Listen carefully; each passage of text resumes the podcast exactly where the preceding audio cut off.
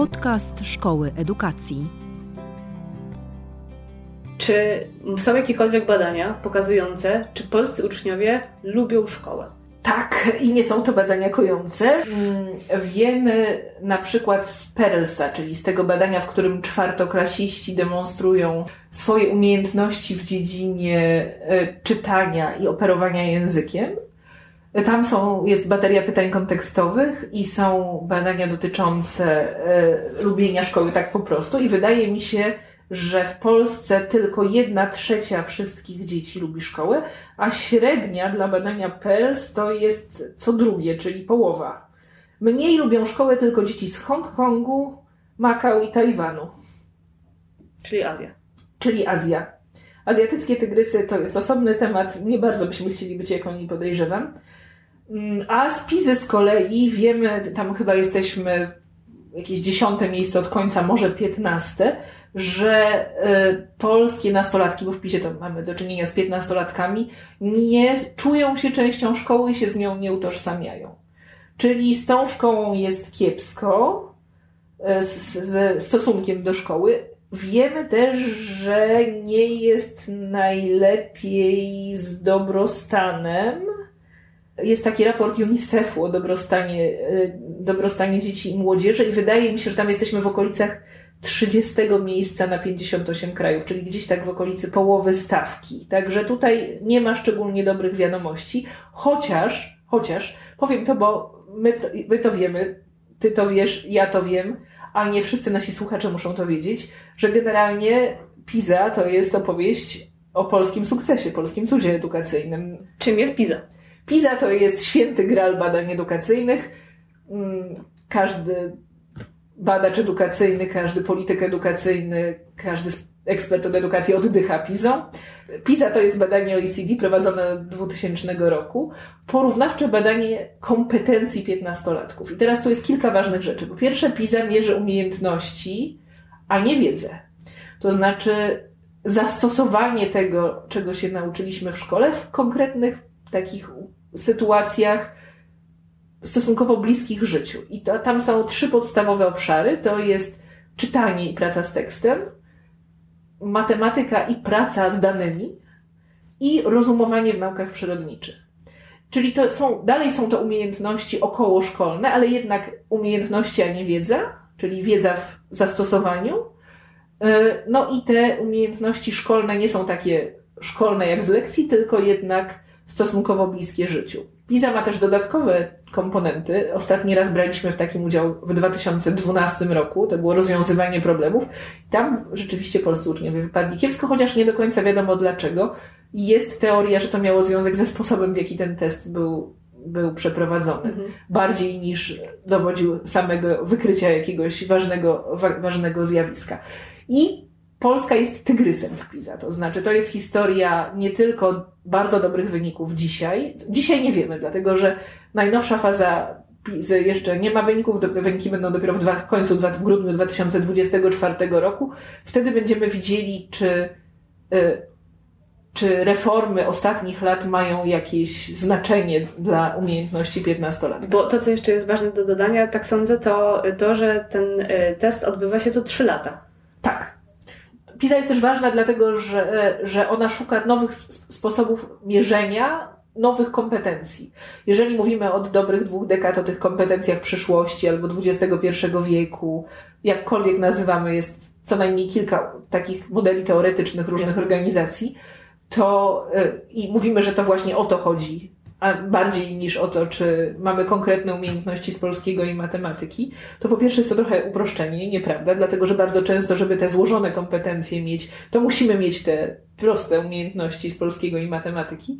E, a po drugie, e, jest problem, jak to będziemy mierzyć, na przykład jak mamy do czynienia z rozwiązywaniem problemów albo z twórczym myśleniem, twórczym rozwiązy- takim właśnie twórczym rozwiązywaniem problemów, gdzie trzeba generować nowe rozwiązania, to jak to będziemy sprawdzać? No i PISA próbuje to robić. Próbuje robić e, takie grupowe rozwiązywanie problemów w oparciu o sytuacje wzięte z życia, nad którymi się pracuje wspólnie naraz w dokumencie internetowym albo e, takie małe filmiki wideo, w których się stawia ludzi przed prawdziwymi problemami wzię wziętymi z, z konkretnego życia, albo pracuje z prawdziwymi materiałami informacyjnymi typu instrukcje różnych przedmiotów mhm. gospodarstwa domowego albo ulotki.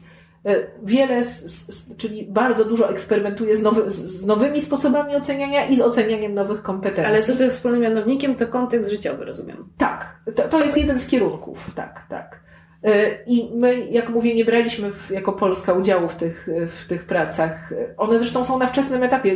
Sama, samo OECD uważa, że to jeszcze nie są takie dojrzałe metodologie, które by można wziąć i na przykład na ich podstawie zrobić maturę albo Jasne. oceniać w szkole. Zresztą PISA nie ma też takiego, e, takiej ambicji, żeby oceniać poszczególne osoby. To jest dla, dla uczniów PISA nie ma żadnych konsekwencji dla tych piętnastolatków, którzy biorą w niej, w niej udział. No w każdym razie w tych trzech głównych wymiarach Polska brała udział w 2000 roku, potem w 2003, 2006, 2009 i tak dalej. No i w którymś momencie okazało się, że Polska, która startowała jako taki słabszy średniak, robi ogromny postęp. No i zrobiła ten postęp raz, potem zrobiła ten postęp drugi raz, potem zrobiła ten postęp trzeci raz, no i tak już koło drugiego razu to zaczęli przyjeżdżać do nas specjaliści od edukacji z całego świata, pytać się, co my tu mianowicie robimy. No i pierwszy postęp był o czym? To jest materiał na osobny odcinek i myślę, że są lepsi Wspaniale. specjaliści w szkole edukacji, z którymi mogłabyś okay. o tym porozmawiać, bo pracują ze mną w szkole edukacji specjaliści i od matematyki w PISA, i od polskiego w PISA i od biologii w PISA, także na, na pewno są osoby, pewno które, więcej, które więcej wiedzą na ten temat i dokładnie powiedzą Ci nad jakimi kompetencjami i w jaki sposób, bo też to jest fajny przykład, ponieważ polski system się uczył z PISA. To znaczy, zespoły analizowały to, jakie błędy robią polscy uczniowie i w związku z tym, gdzie, czego się nie nauczyli, czy gdzie są te słabsze strony ich przygotowania i programy szkolne, podstawy programowe były tak pisane, żeby odpowiedzieć na te problemy. Także PISA nam pomogła jako Polsce. Ten, ten pierwszy sukces wiązał się, tradycyjnie związany z tym, że wydłużyliśmy edukację ogólną o rok. Czyli z ośmioklasowej szkoły podstawowej zrobiliśmy 6 plus 3 obowiązkowe i że w ten sposób rozwiązaliśmy problem tych najsłabszych uczniów, którzy na samym początku przy pierwszym pomiarze nas ciągnęli te, tę średnią w dół. Y, a potem, no i rzeczywiście na początku wiadomość była taka, że zrobiliśmy duży postęp, y, ale ciągle ten postęp właśnie polegał na poprawie wyników uczniów najsłabszych. No i to było super, ale było wiadomo, że następne zadanie jest takie, że teraz musimy coś zrobić z tymi uczniami średnimi i, najlepszymi. Najpierw udało nam się zrobić z tymi średnimi i to też było super. Potem zrobiliśmy z tymi, z tymi najzdolniejszymi, znaczy, trudno powiedzieć najzdolniejszymi, z tymi, którzy osiągają najwyższe poziomy Jasne. umiejętności.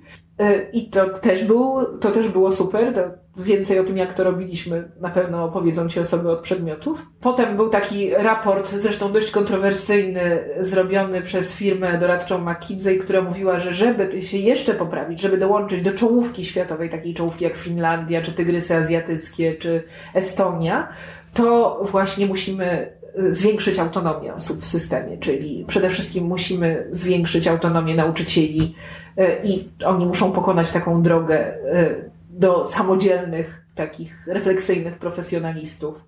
E, I tym między innymi zajmujemy się w szkole edukacji. Ale co, co dalej się będzie działo w PISA, zobaczymy niewątpliwie. Natomiast niezależnie od tych bardzo dobrych informacji, tego, że jesteśmy bardzo dumni, powinniśmy być słusznie bardzo dumni jako kraj z tego, że nam się to udało, a udało nam się to rękami nauczycieli, niczyimi innymi. Także to jest wielki ukłon w, stronę polskich nauczycieli, którzy, którzy są autorami tego sukcesu. To y, jest tak zwany drugi i trzeci raport PISowy, które opisują inne wskaźniki i inne pytania, nie tylko takie związane z umiejętnościami uczniów.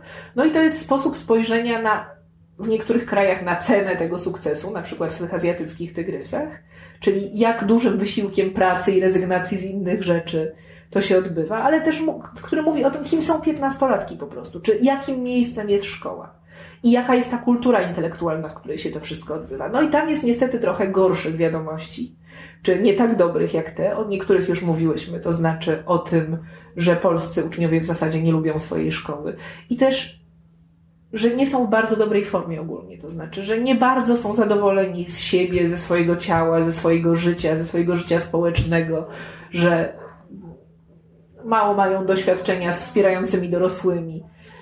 No I to są wszystko słabe wiadomości. Jest też jedna bardzo słaba wiadomość z zakresu, powiedziałam, właśnie kultury intelektualnej. To jest to, że jeżeli mamy taki wskaźnik, który by można opisać w skrócie za Karol Dweck jako orientację na rozwój. rozwój w przeciwieństwie do orientacji na wynik, na efekt, to jest koncepcja, która jest dosyć dzisiaj kwestionowana i tam rozumiem, że jest szereg z nią problemów teoretyczno-empirycznych, ale jest ona na pewno użyteczna i popularna edukacyjnie, no to czyli orientacja na rozwój jest wtedy, kiedy e, zwracamy bardziej uwagę na to, jaką drogą dochodzimy do jakiegoś wyniku, co możemy jeszcze zrobić, żeby się poprawić. Proces nauki. Proces nauki. Z angielskiego tak. Y, wydaje mi się, że to jest growth mindset. Tak jest. Nastawienie właśnie na rozwój. I w przeciwieństwie do nastawienia na wynik, czyli nieważne jaką drogą, liczy się rezultat. Czyli tak. fixed mindset. Tak jest. I w, PISie, w PISie jest bateria pytań, która do tego prowadzi. Po prostu pytamy o przekonania uczniów na różne tematy, ale oczywiście nie wprost. Także Jasne. to jest dosyć czuły wskaźnik. I to jest wskaźnik, w którym jesteśmy absolutnie w Polsce w ogonie OECD. Czyli nasze nastolatki, nasze piętnastolatki są bardzo silnie nastawione na wynik, a nie na proces. I to jest kłopot. Z czego to wynika? Jak myślisz? Tego nie wiem ale myślę sobie, że to ma związek z kulturą błędów w polskiej szkole i z tym, że bardzo naciskamy na uczniów na różne sposoby, żeby wynik był dobry. Do, dowiezienie sukcesu, dowiezienie w polskiej szkole oznacza właśnie, że e, dochodzimy do z góry założonego, założonego efektu i za to nagradzamy uczniów. Najwyższa mm, cena, najwyższa tak, średnia. Tak, tak. Tak myślę. Myślę, że nakłada się na to nacisk na indywidualny sukces, indywidualny rozwój y, i mm, to na pewno jest duży problem, ten, to, to, to nastawienie na, na wynik.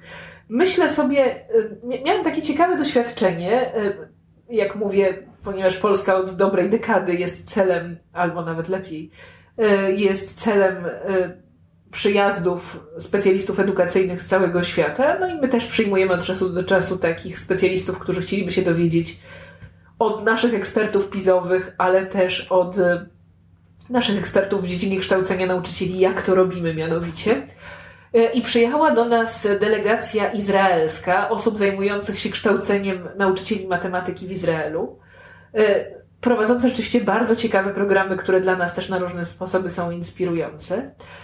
I oni zadali nam takie pytanie. Mm, spojrzeli, właściwie na co dzień analizują wyniki PISA i mówią, że oni nie są bardzo dobrzy w PISA. Oni są mniej więcej na poziomie Stanów Zjednoczonych, czyli tak w środku stawki. Mhm. I, y, a my jesteśmy znacznie wyżej.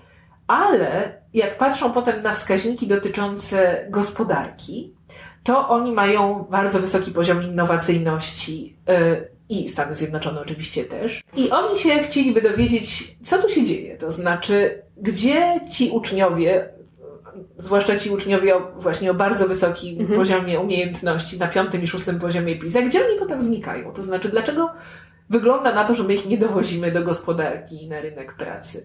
No i wtedy poważnie się tutaj zmartwiliśmy i powiedzieliśmy, że my w zasadzie za bardzo też nie wiemy, ale my w szkole edukacji akurat tracimy ludzi z oczu gdzieś tak w okolicach matury i potem e, nie, wiemy za bardzo, co się z nimi dzieje. I jedynym wyjaśnieniem, jakie mi przyszło do głowy, jest właśnie to, że to może być, może mieć związek z nastawieniem na, na wynik w przeciwieństwie do nastawienia na rozwój. To znaczy, że do innowacyjności nastawienie na rozwój jest potrzebne, bo jeżeli nie umie się działać w oparciu o uczący błąd, to po prostu bardzo trudno jest wypracować jakąś innowację.